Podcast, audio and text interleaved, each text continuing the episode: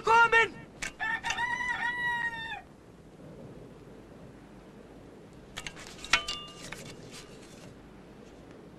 Ég heit á menn að láta stýrast til trúar á hvítakrist. Svo ekki leitt í ljós hvað er máturi. Hvítakristur eða óðinn. Gerast mér nú hvítingar þessir hvimleiðir er þeir sækja okkur heim ár hvert. Og þennan hyggst ég drepa.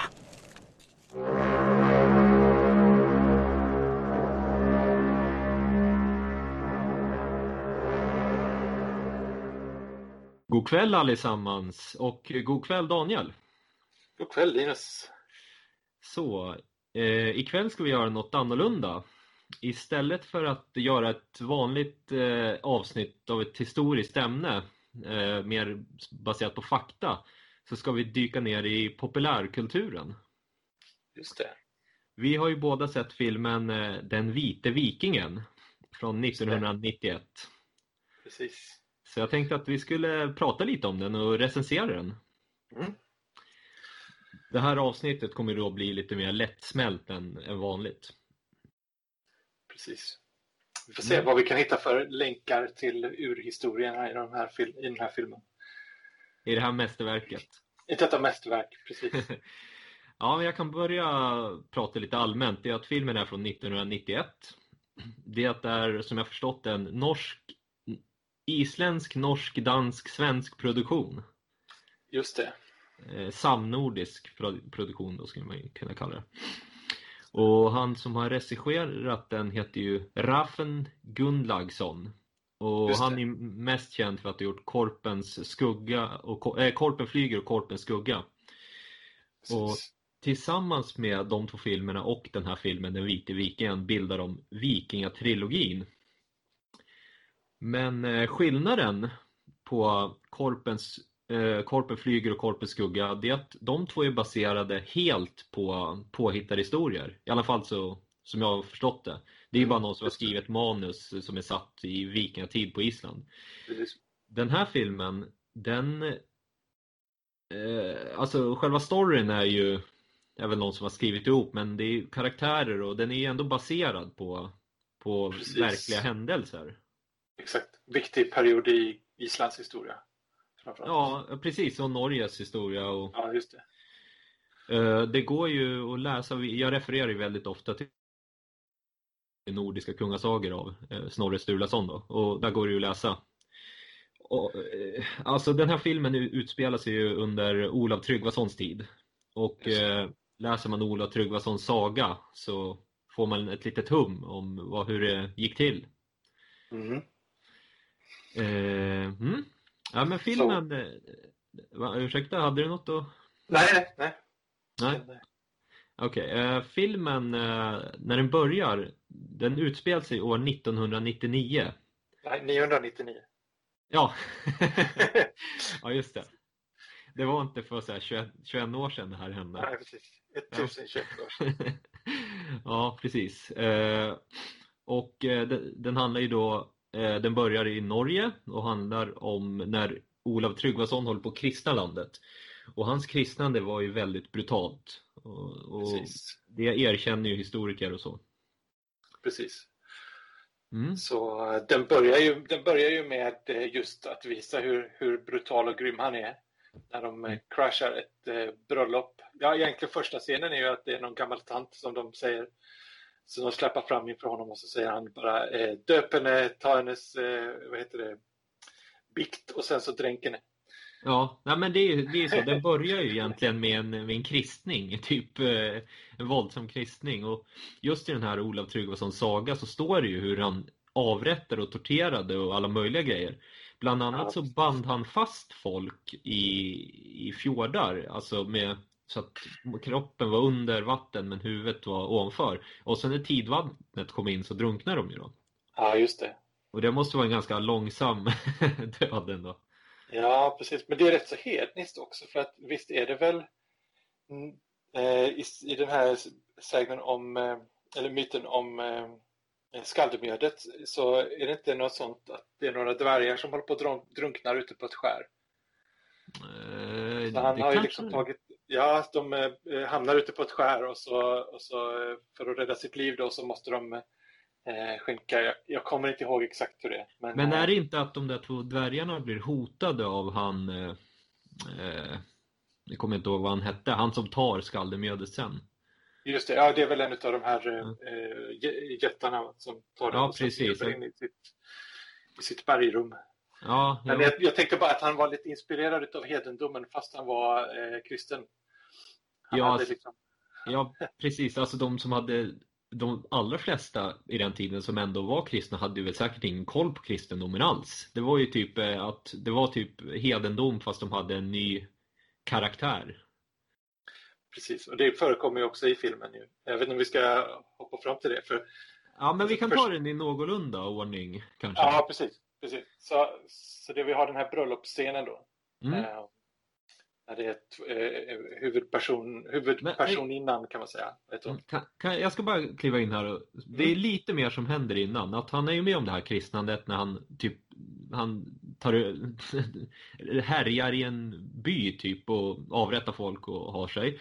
Sen efter det då pratar ju han med sitt krucifix. Han har ju alltså en Jesusfigur. Fast eh, Jesus kallas ju vite Krist i filmen då. Och då, eh, och då vet inte jag om det är en tolkningsgrej eller inte. För, för Jesusfiguren pratar ju med honom. Ja, men- precis.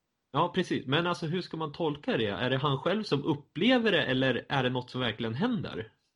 Det intressanta är ju att han Tangbrand som är biskopen då, Ja, han, han ser ju detta och han blir ju så avundsjuk över att Jesus pratar med kungen. ja. Varför pratar du inte med mig, säger han, så då går han iväg och piskar sig själv.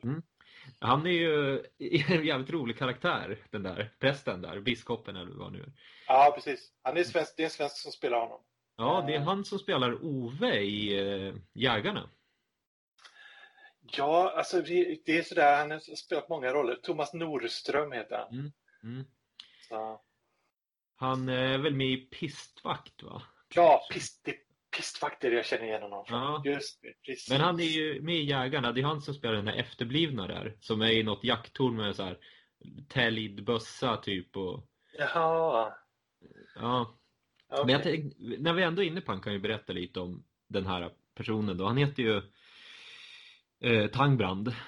Och eh, det här med att man piskar sig själv, det är någonting som kristna har gjort under historien på ganska många olika platser och olika tider. Bland annat flagellanterna under medeltiden och även i nuvarande Filippinerna håller man på med sånt där. Det är även en Ja, muslimsk sed då, som shia-muslimer ägnar sig åt.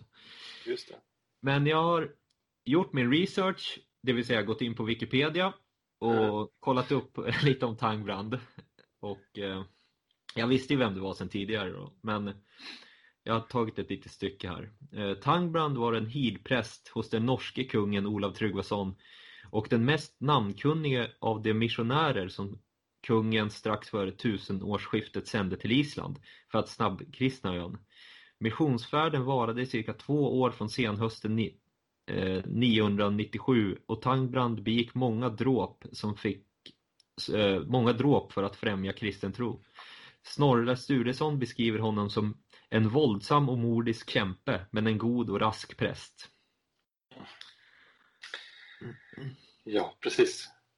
Ja, Eh, Fast det vi får veta i den här historien är ju att han har blivit, anledningen till att han, han, det börjar ju liksom i Norge och han, han är där, det är att han har blivit, eh, de har huggit honom i rumpan och skickat tillbaks honom. ja. De tröttnade på att han pissade i brunnarna och, och Ja. mördade folk så, eh, så högg de honom i ändan och skickade tillbaka. Ja, men han är ju som en så här lågt stående person. Alltså kungen verkar ju ändå typ, eh, d- d- vad ska man säga, häckla han och Ja, precis. alltså, ja.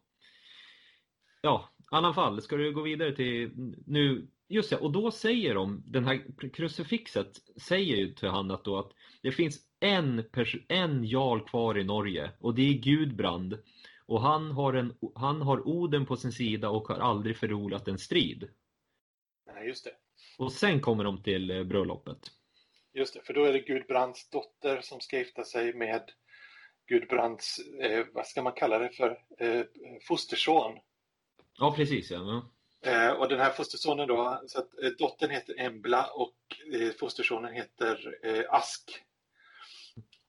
Eh, det är ju samma som i, i eh, de första människorna då. Mm.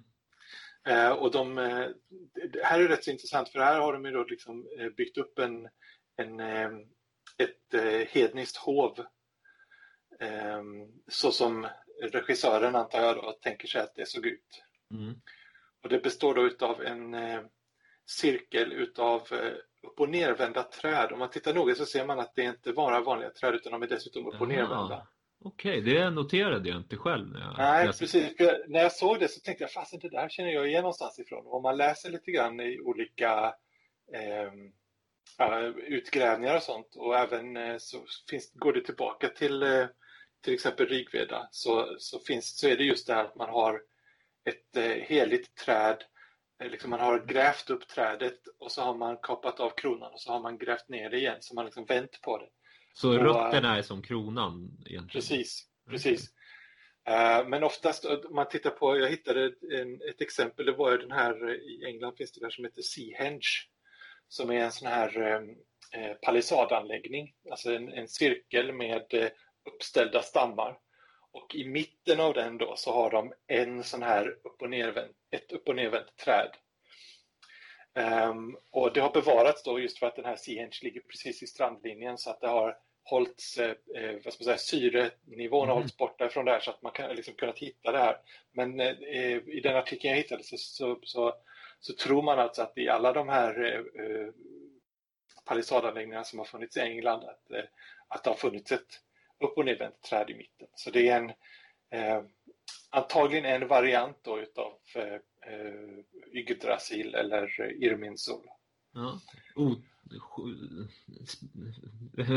det var ju väldigt intressant. Jag har helt missat det där.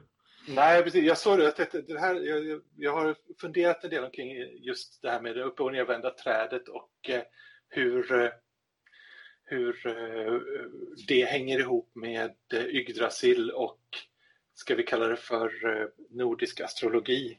Mm. Så jag skrev mm. något inlägg på bloggen om det. Ehm, så, men vi ska inte fördjupa oss för mycket i det. Det som jag reagerade på var att det var väldigt många sådana träd.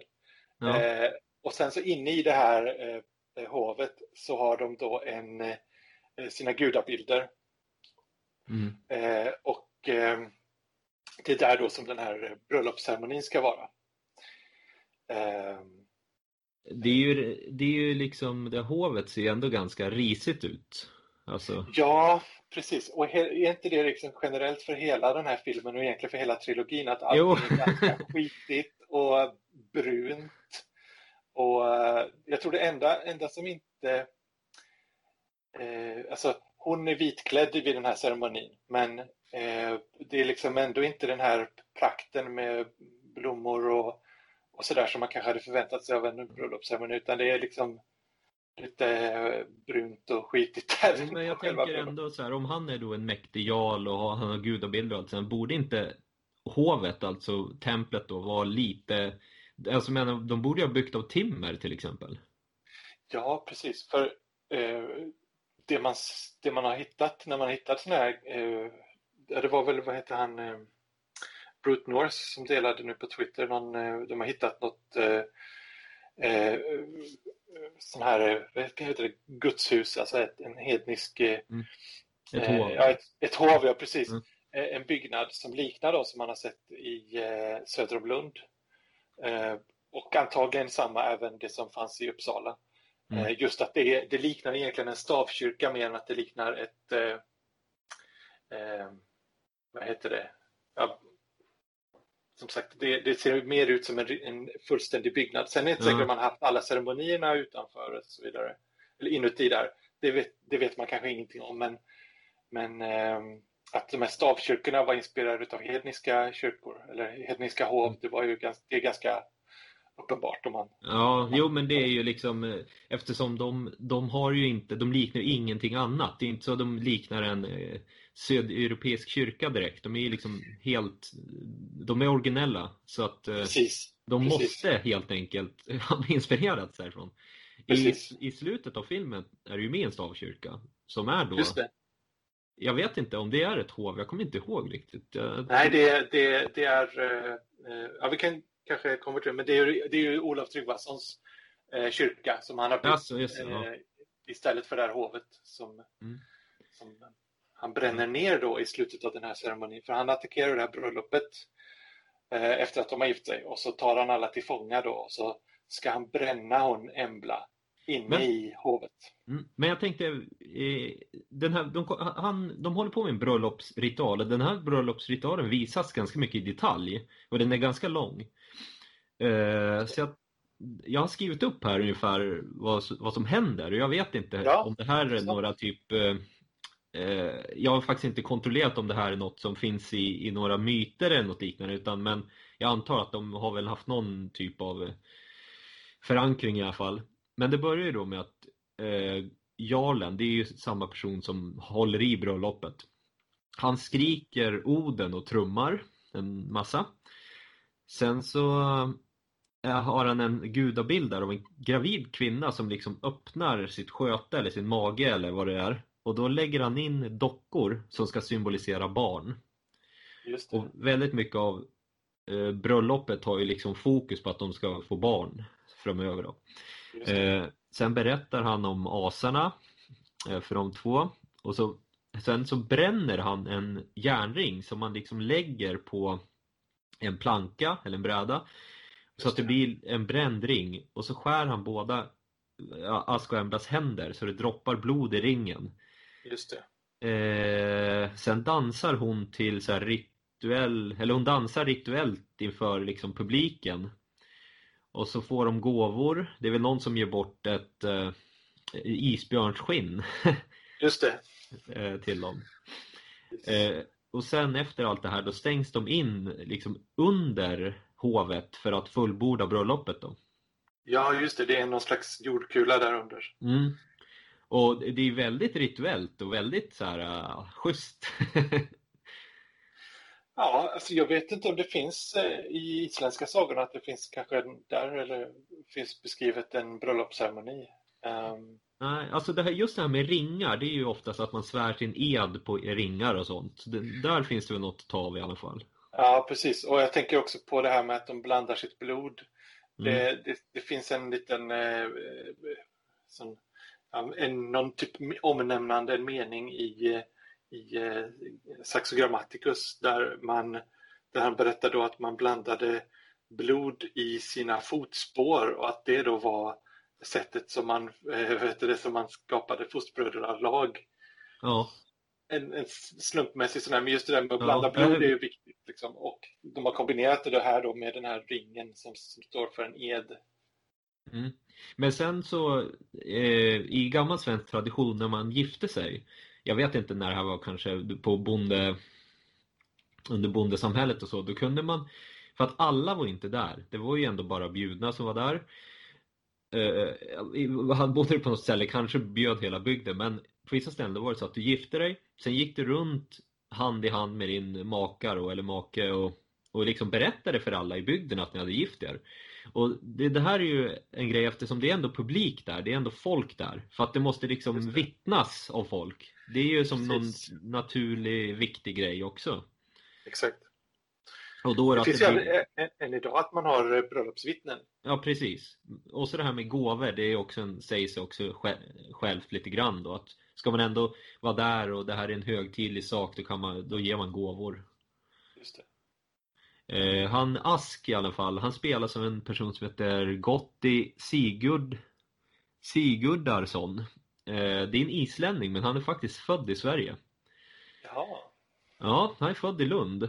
Och eh, han var 17 år när filmen släpptes. Ja, okej. Det är intressant för det är Maria Bonnevie som spelar Embla då. Ja. Hon var också 17 år. Okej, jag tycker båda två känns ändå lite äldre än 17 men eh, mm. Ja, precis. De kanske till och med var Kanske- 16 när, de, när det liksom spelades in. Ja, precis. Precis. Så det tar väl säkert ett år innan, eh, innan man släpper en film. Ja, har du koll på ditt eh, skvaller om Maria Bonnevie? Eh, nej. Nej, hon är gift med Skavlan i alla fall. Ja, ja, ja. Så den här norska kopplingen, den fastnade liksom. Ja. Ja, det är ju men- fakt- eh, även Johannes Brost är med i filmen, men jag såg han aldrig. Nej, jag, så- jag, när jag läste, vad heter det, eh, listan över, över roller Mm. så såg jag att han var med. Jag tänkte, men vem fasen var det? Cool Bane? Jag vet inte ens Ja. vem det var. Ja, han kanske är bortklippt i den här versionen. Det är mycket möjligt. För att det, det finns, eh, nu, vi har ju sett en film, men den finns även som miniserie. Och i den miniserien, då har de klippt bort eh, några scener.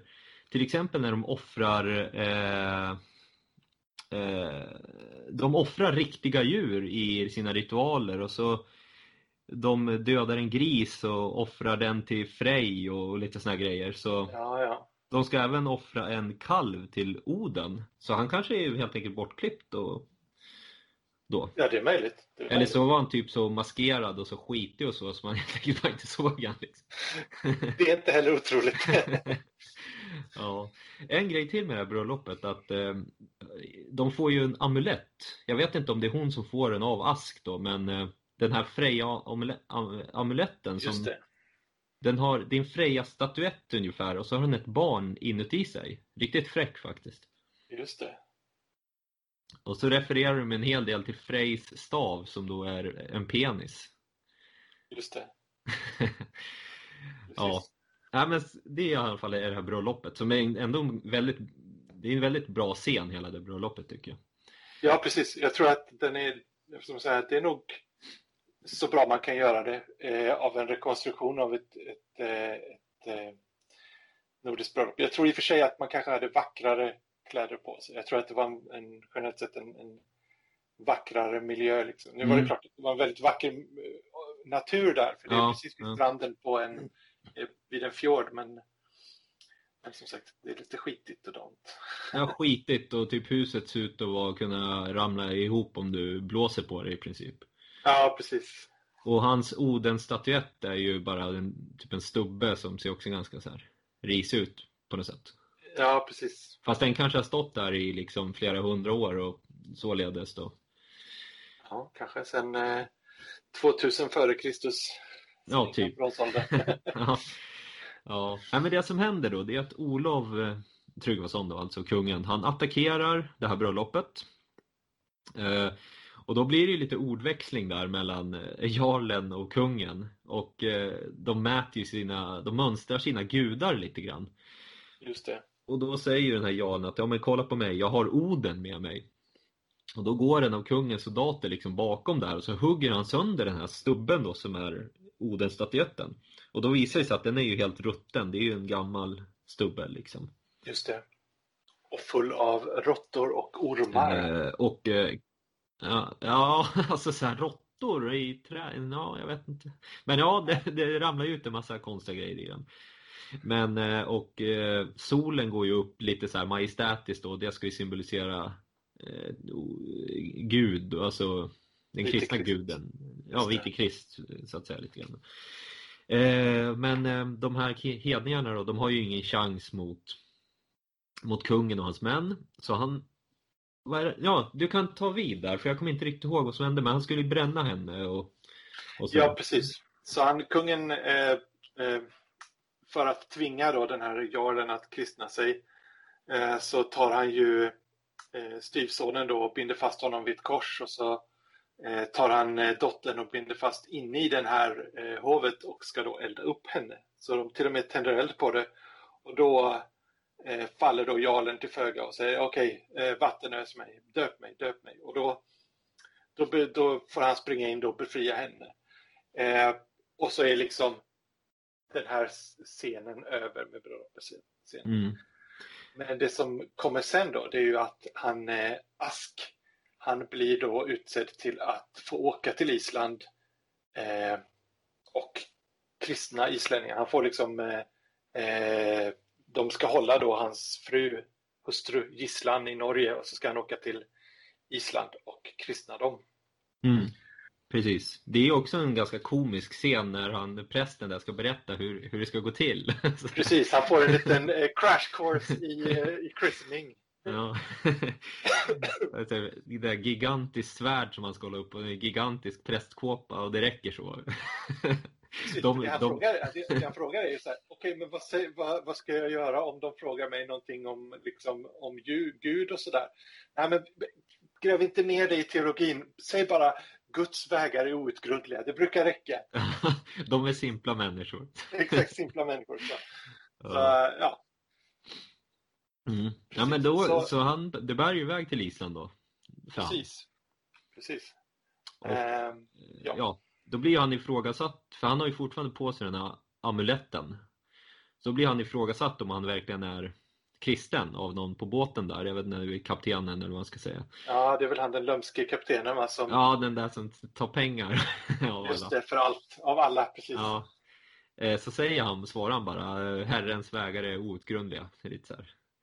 Precis. Han fick, genast användning för, han fick genast användning för sin teologiska undervisning. Mm.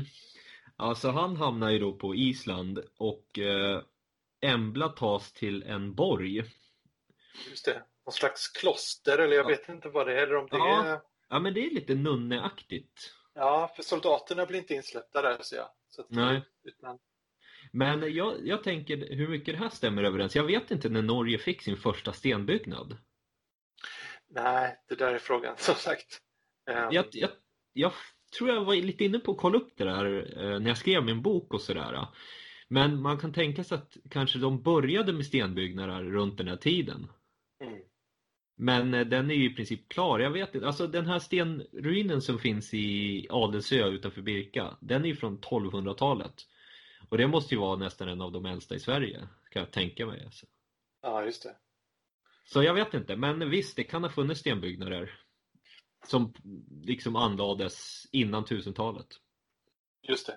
Men, eh, men eh, som sagt, det, alltså det har väl funnits sådana här eh, eh, fornborgar som ju har haft murar, eller Mm. kanske utav sten. Men det här ser ju verkligen ut som en, en högmedeltida borg. Liksom. Ja, och det här, det här är ju med murbruk. Alltså de, de är kall...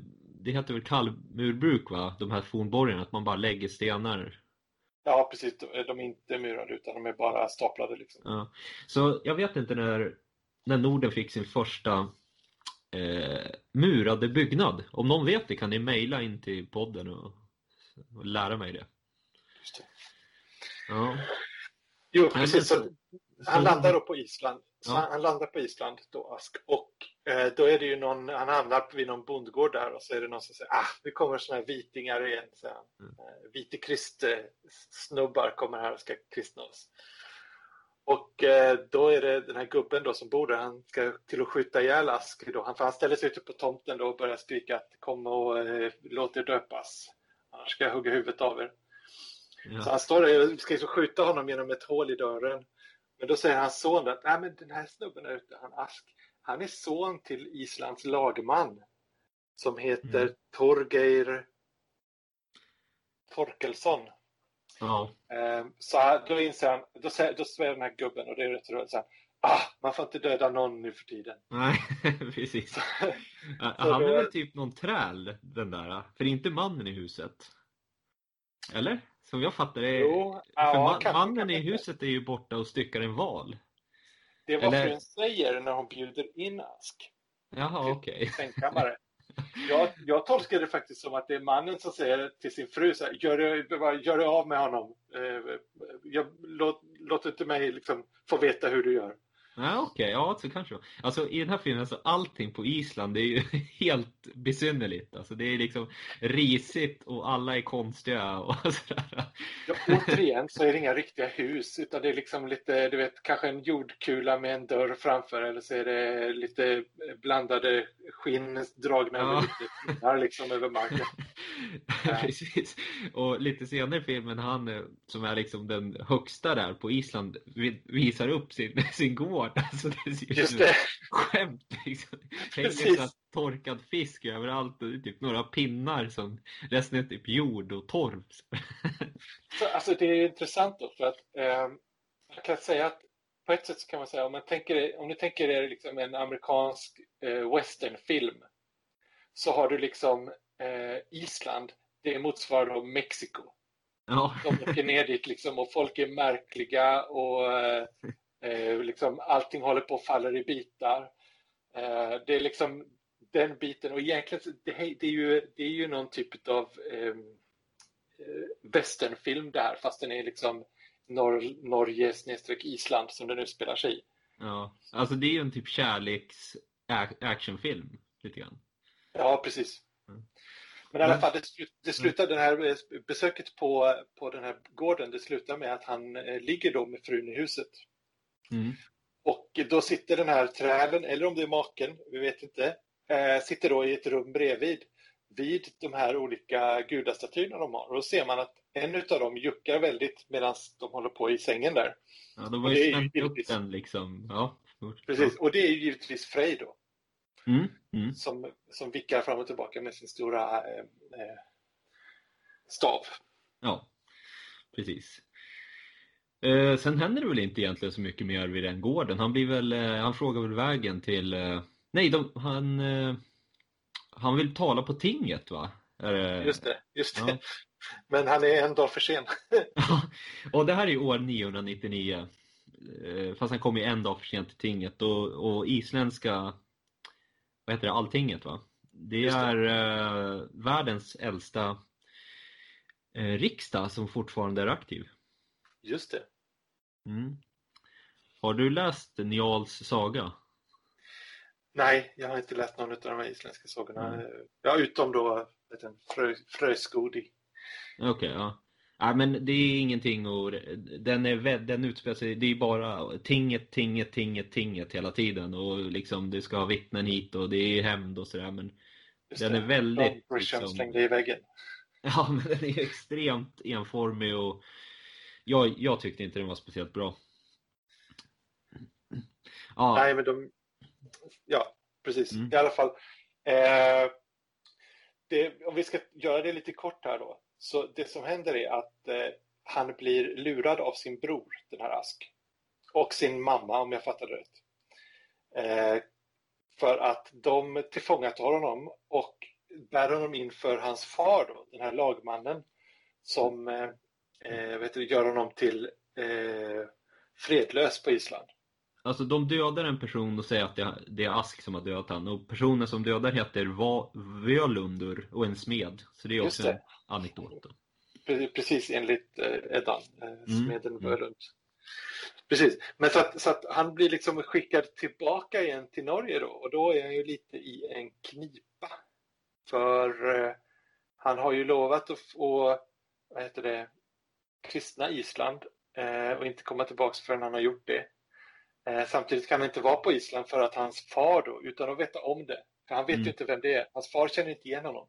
Nej. Och han kan inte säga något heller för de typ håller för hans mun i princip. Precis, precis.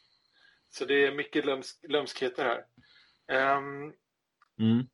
Men vad är det som händer då? Jo, då söker han upp eh, henne, eh, vet du, eh, Embla. Han lyckas ta sig in på den här borgen. Ja, precis. Och eh, av, vad heter det, han klär ut sig till Vite Krist. Ja, jo precis. Man, precis. Han klär ut sig till Vite Krist och lyckas liksom smuggla ut henne därifrån genom att eh, då skrämma upp alla andra kvinnorna. Som, Just det, är... precis.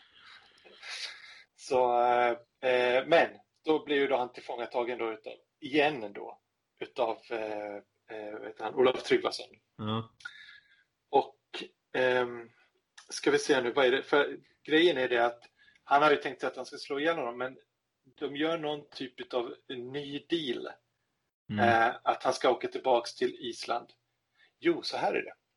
Han får med sig ett antal ringar som den här eh, biskopen Tangbrand har. För det finns eh, ett antal eh, ynglingar, eh, från, alltså söner till isländska herremän som är på besök i Norge som de då tar till fånga. Och de ser ut som ett rockband från 80-talet. Väldigt mycket. Men det är intressant, där finns ju också en liten historisk eh, sån här eh, anekdot. Därför att en av de här då, han har ett, eh, en, eh, ett kors, ett krucifix. Men eh, det intressanta är att det där krucifixet kan man också hänga upp och ner. Och det är lite grovt i kanterna sådär. Så att han kan liksom ha det som en torshammare när han är på Island och som ett krucifix när han är på, i Norge. Mm. Så kungen håller ju upp det framför honom och säger då, är du, är du hedning eller är du kristen? Ja, Och så, men det finns ju, ett vargkors har, om, tror man ju har haft samma funktion. Just det, precis. Så att det är ju, det är ju liksom det är ju den här brytningstiden när folk inte riktigt Mm. kunde bestämma sig. Ja, precis. Nej, men eh, ja, det är, jag tänkte också på att det var en kul grej, för det, det, det var ju säkert många som, som tänkte så också. Alltså. Ja, precis. Alltså, jag tror att för de flesta människorna så var eh, religionen var ett sätt att hjälpa dem i vardagen.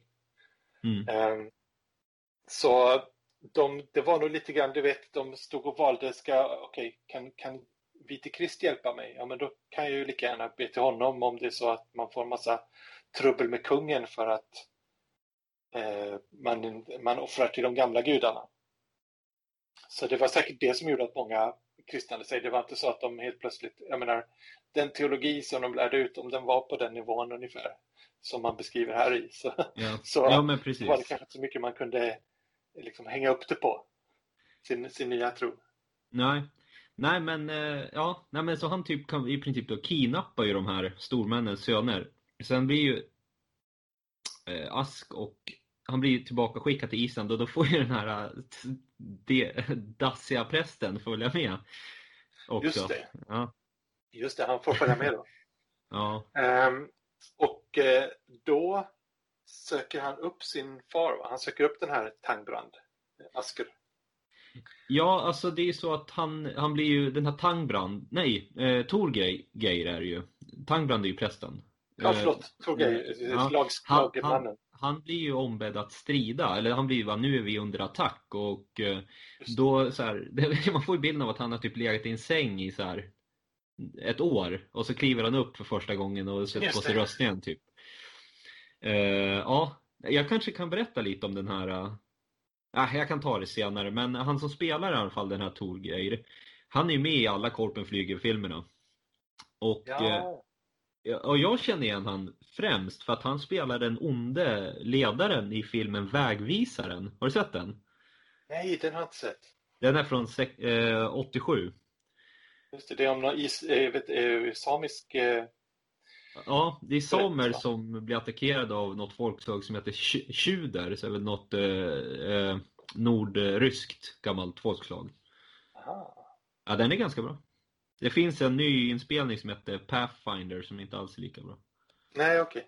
Man ska hålla sig till de gamla. Ja, men så är det. Ja, ska du fortsätta? Vad är det som händer? Det är ganska mycket som händer. i- Ja, nu händer väldigt mycket precis. Så eh, det visar sig då att han, eh, eh, den här lagskrivaren, han blir ju lite missnöjd på sin yngre son, som är den som har bott hemma. För att han har lurat honom att eh, göra den äldre sonen eh, laglös på Island. Alltså Så- Askur. As mm. Asker, precis. Asker, eh, han har blivit eh, fredlös på Island. Så eh, under stridens gång så sluter han ett förbund med Asker. Och eh, om att de då ska, eh, eh, vad heter det? Jag förstår inte men det är någonting han säger att eh, min son ska vila i min grav och sen så pekar han ut, där är min grav och så ska han liksom besegra honom då och sen så ska han läggas i graven och, och alla ska tro att han är död. Mm. Precis, och just när de fejkar hans död, då är det ju så att han får ju blod på sig. Och det glömde jag nämna innan, att hon, mamman åt Ask, som, jag vet inte om det är det, men det, han som är hennes, hans brors mamma i alla fall. Eh, hon spår ju i fåglar. Och det är också en sån här gammal, eh, gammal grej, att man spådde i fåglar. Just det. Mm. Så hon har en, en eh, det är väl typ någon måsar som hänger och droppar blod ner i en gryta och så Ja, spår hon i precis. det. Ja, hon har ju något kärl med blod. Och det är inte så här, är inte något svarta? Är det faktiskt, är det vita fåglar? Ja, det är väl blandat tror jag, för det är väl någon sillgrissla och så är det någon mås och så är det någonting mer kanske. För sen så har hon ju också en huvudbonad utav någon slags fåglar, va? För att jag, jag eh, kanske såg fel, men jag, i, i källorna så står det att man spådde och då använder man oftast vita fåglar. Men jag tyckte att de använde typ skator och sånt, men det kanske de inte gjorde. Det kanske, de kanske hade vita fåglar, måsar och, och sånt. Ja, för visst är det så att Embla under början av bröllopet eh, har på sig en eh, korphatt. Alltså korpmössa. Det är liksom en hel korp som hon har trädd över. Ja, det kanske hon har faktiskt. Jag kommer inte riktigt ihåg. Alltså. Det var ju någon reagerar- vecka sedan. Så. Ja, jag reagerar på att det var lite, lite eh, inte så vackert som man kanske hade önskat att Nej, ett bröllop var. Det kanske Ja. var väldigt kraftfullt. Eh. Jo, men i alla fall eh, så eh, Ska vi ge ut Ska vi säga spoiler alert nu också? Vi har i och för sig Ja. sagt väldigt mycket. Ja, vi- Men vi, vi kan väl Nej, men vi kan väl eh, Vi kan väl prata om i princip allting. Jag tror folk som tror det. lyssnar Vi får inte... sätta en spoiler alert på, eh, på avsnittet. Säga att de första Ja. eh, 45 minuterna kan man säga utan spoilers. Nästan. Ja, precis. Första 30 i alla fall. Så, Ja. Eh, ja, så eh, hur är det nu? De... Eh, Alltså alla tror ju att Ask har blivit dödad. Och farsan till Ask har inte sagt någonting till någon. Så det är bara de två som vet att han lever då. just det. Eh, ja, precis, lever.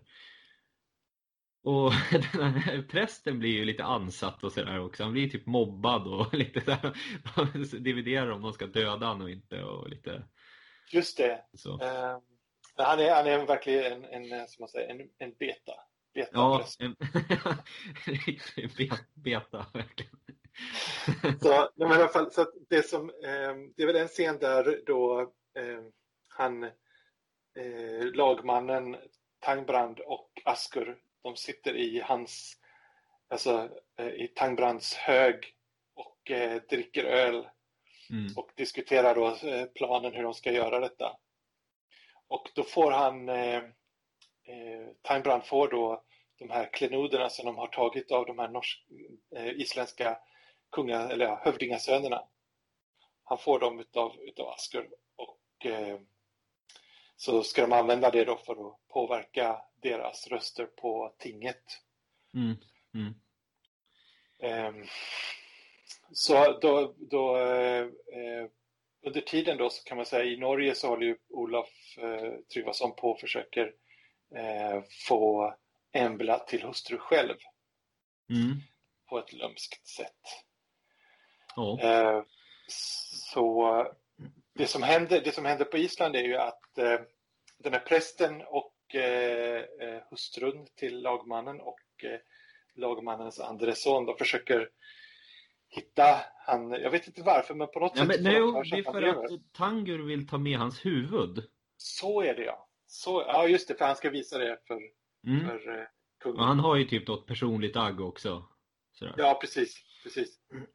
Så eh, de ger sig in i, det här, eh, i de här, men han har ju smitit då redan, Askur. Mm.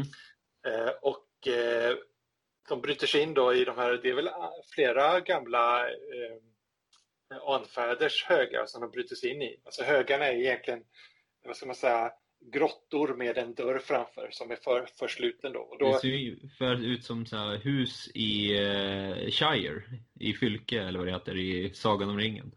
just det, fast skitigt. Ja, fast skitigt ja, och, och risigt. Ri- Skitigt och risigt. För det, där säger de också, det är också en rolig sån grej, att eh, lite skrock sådär att ja, du som, är, du som är kristen, du kan bryta upp de här eh, låsen. Det kommer inte att Mhm. drabba dig. Ja, just det. Så de använder honom för att gå in först då, så står de utanför och siktar in med, med pilbåge. Ja.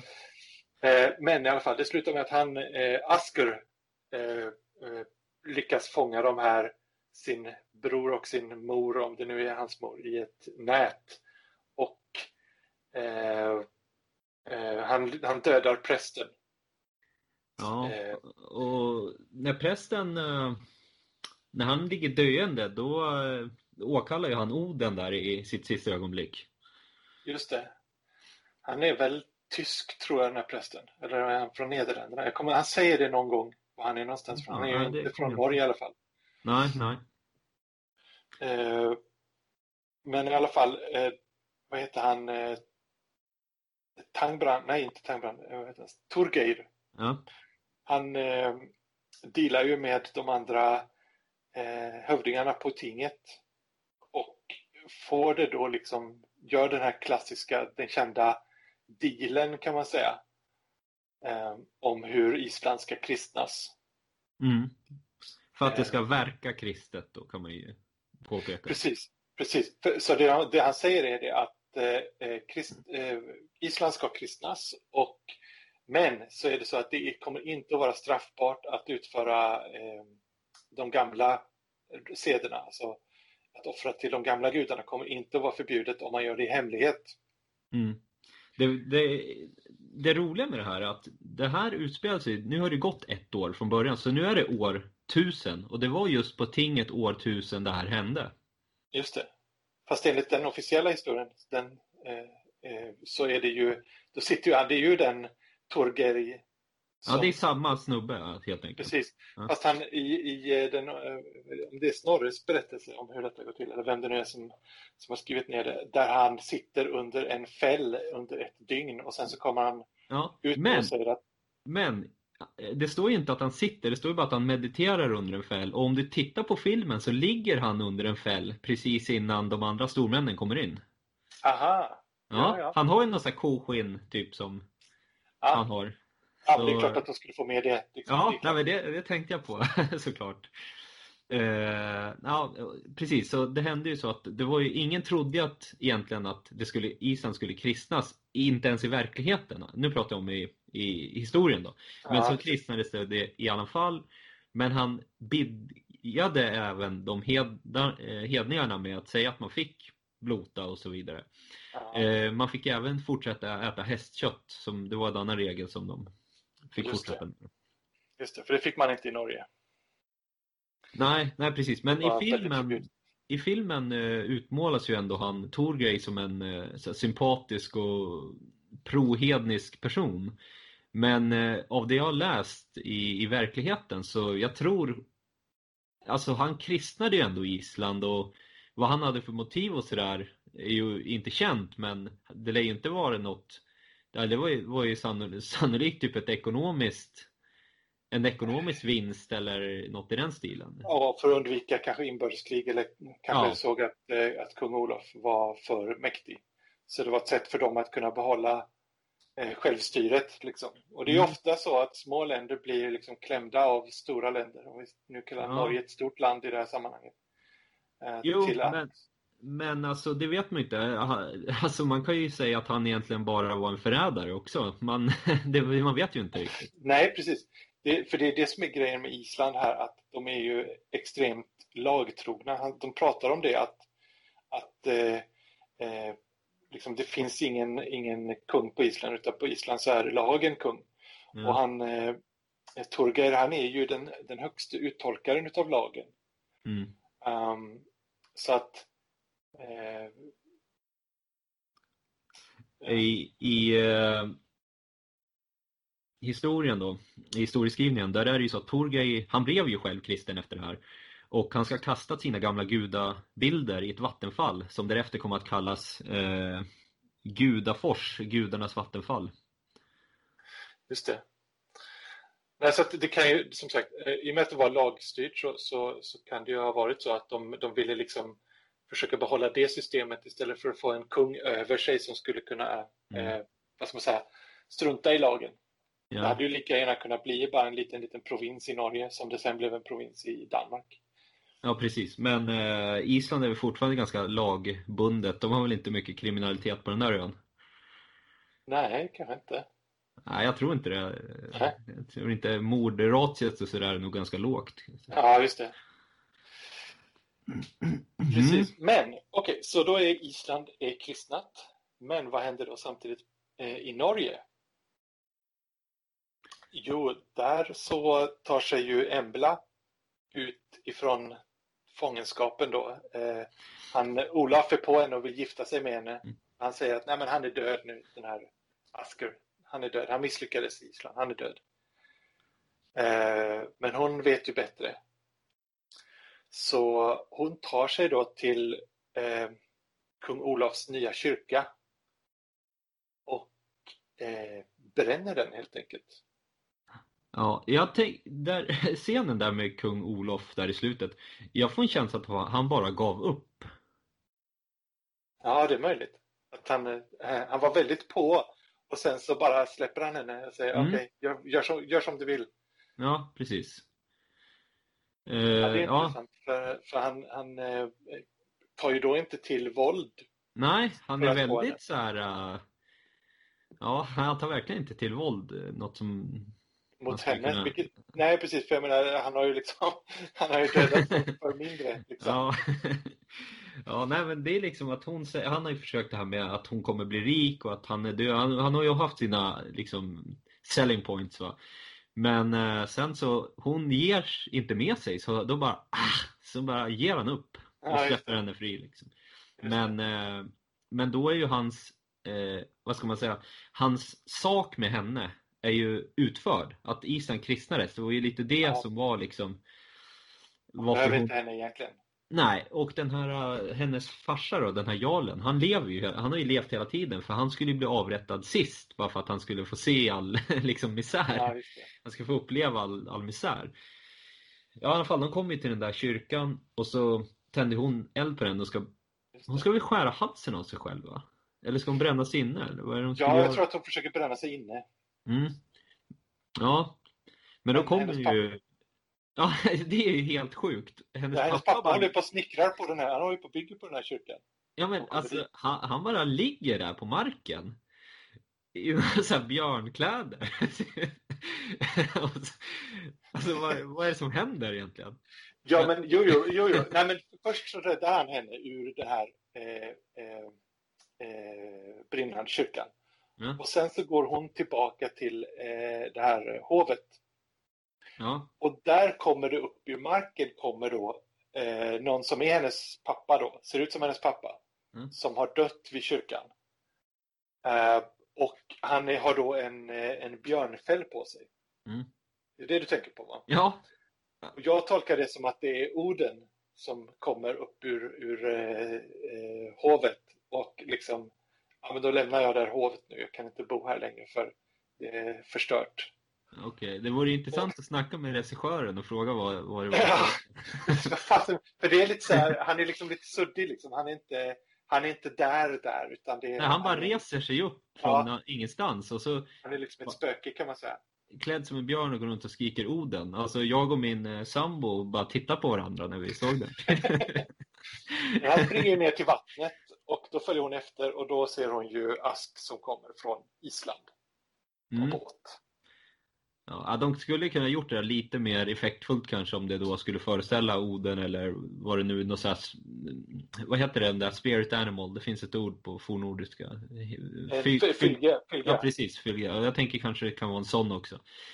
Ja, Så just vet, det. eller det kanske är Coolbane det där. Det vet man inte heller. Det är, det är Johannes Brost, Ja, hans stora roll. ja. ja, nej men det är så. Och, så, så då, åt- och allting slutar ju bra.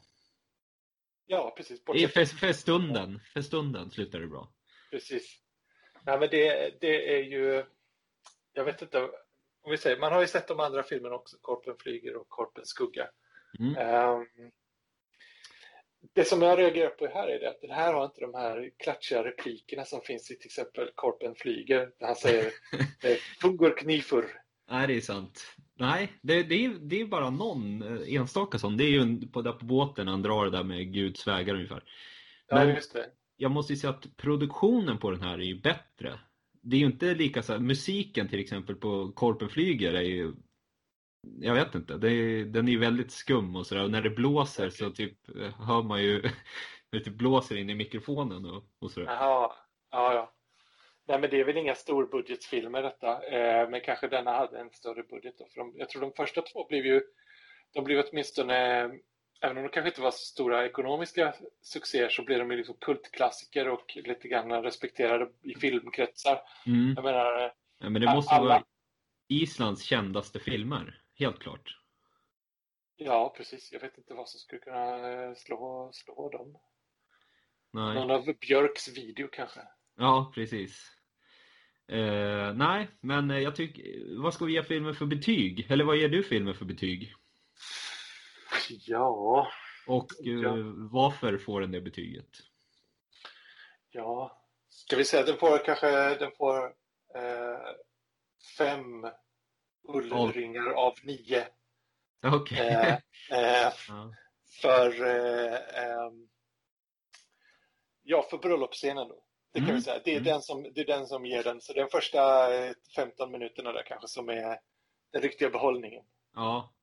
ja, precis. Men om du tänker efter så historien är ju väldigt invecklad och väldigt, äh, alltså det är en väldigt invecklad och egentligen ganska spännande historia med alla twists and turns och sådär. Precis, han reser ju faktiskt fram och tillbaks fyra gånger Mm. till Island. Alltså Ja. en, gång, en gång dit, en gång tillbaka, en gång dit och sen tillbaka igen. Mm. Mm. Nej, Vad säger jag, du då? Betyg då? ja, jag skulle väl ge den eh, tre Gnunga-gap av fem. Eh, min motivering är nog att eh, alltså den är, jag tycker filmen i stort var ganska, den är ganska bra. Den är, den är liksom, just den här bröllopsscenen då är väldigt sevärd. Men den gör det lite mer vi kan- kanske kan nämna att filmen är på isländska också. Eller är det typ väst, eh, jag vet inte. Men det är ett språk som jag inte kan i alla fall. Och det, det gör ju, det här, att den är på isländska och den är skitig och den är risig, allting är smutsigt. Det gör den ju ändå väldigt trovärdig. Den har ju mer trovärdighetskänsla än eh, Thor av Marvel till exempel. Ja, ja, det är inte en enda hjälm med horn på i hela filmen. Nej, men precis. Den är så här, de är klädda i skitiga lä- koläderkläder och Precis. ja. Mm. Ja, men eh, alla som lyssnar kan ju ta sig tid och se den helt enkelt. Precis. Och ja, jag menar, det, det är väl, jag menar, det finns, det finns väldigt många filmer som är väldigt mycket sämre, som man är en väldigt mycket sämre människa efter att ha sett, Mm. Än Precis. den här. Så, att, så Ja. mycket kan vi säga, det kommer att, det kommer att vara lärorikt och Ja. underhållande. Hade du sett den tidigare eller? Alltså jag har nog sett den för länge sedan, för jag vet att jag har någonstans på DVD har jag Korpens eh, skugga och eh, Korpen flyger. Ja, nej, jag, jag såg den för kanske 5-6 år sedan eller något. Det var därför jag, jag tänkte att det var en, det är en passande film att prata om faktiskt. Ja, just det. Mm. Men ska vi ta och börja avrunda lite kanske? Vi har väl Ja, gått kanske det. igenom allting. Och... Men eh, ni som lyssnar, ni kan ju mejla in eh, ifall ni gillar att vi gjorde en filmrecension. Det är ju, tillhör inte det vanliga. Så vill ni höra mer sådana eller tyckte ni det här var bara ostrukturerat eh, dravel så kan ni väl mejla in och, och säga vad ni tycker. Just. Om ni surar för alla spoilers så Ja, då får ni skicka mejl till Daniel. just det. Okej, men då får jag tacka då så hörs vi senare. Tack så ha. Tack så mycket. Hej hej!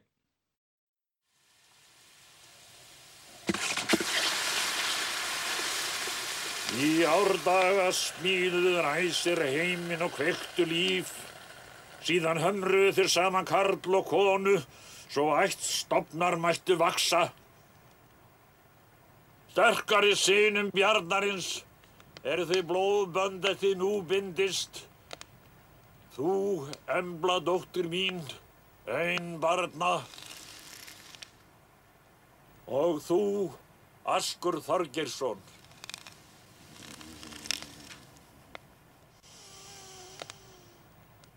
Hinna hái ás, óðinn er hér, segir ykkur eitt hald, honum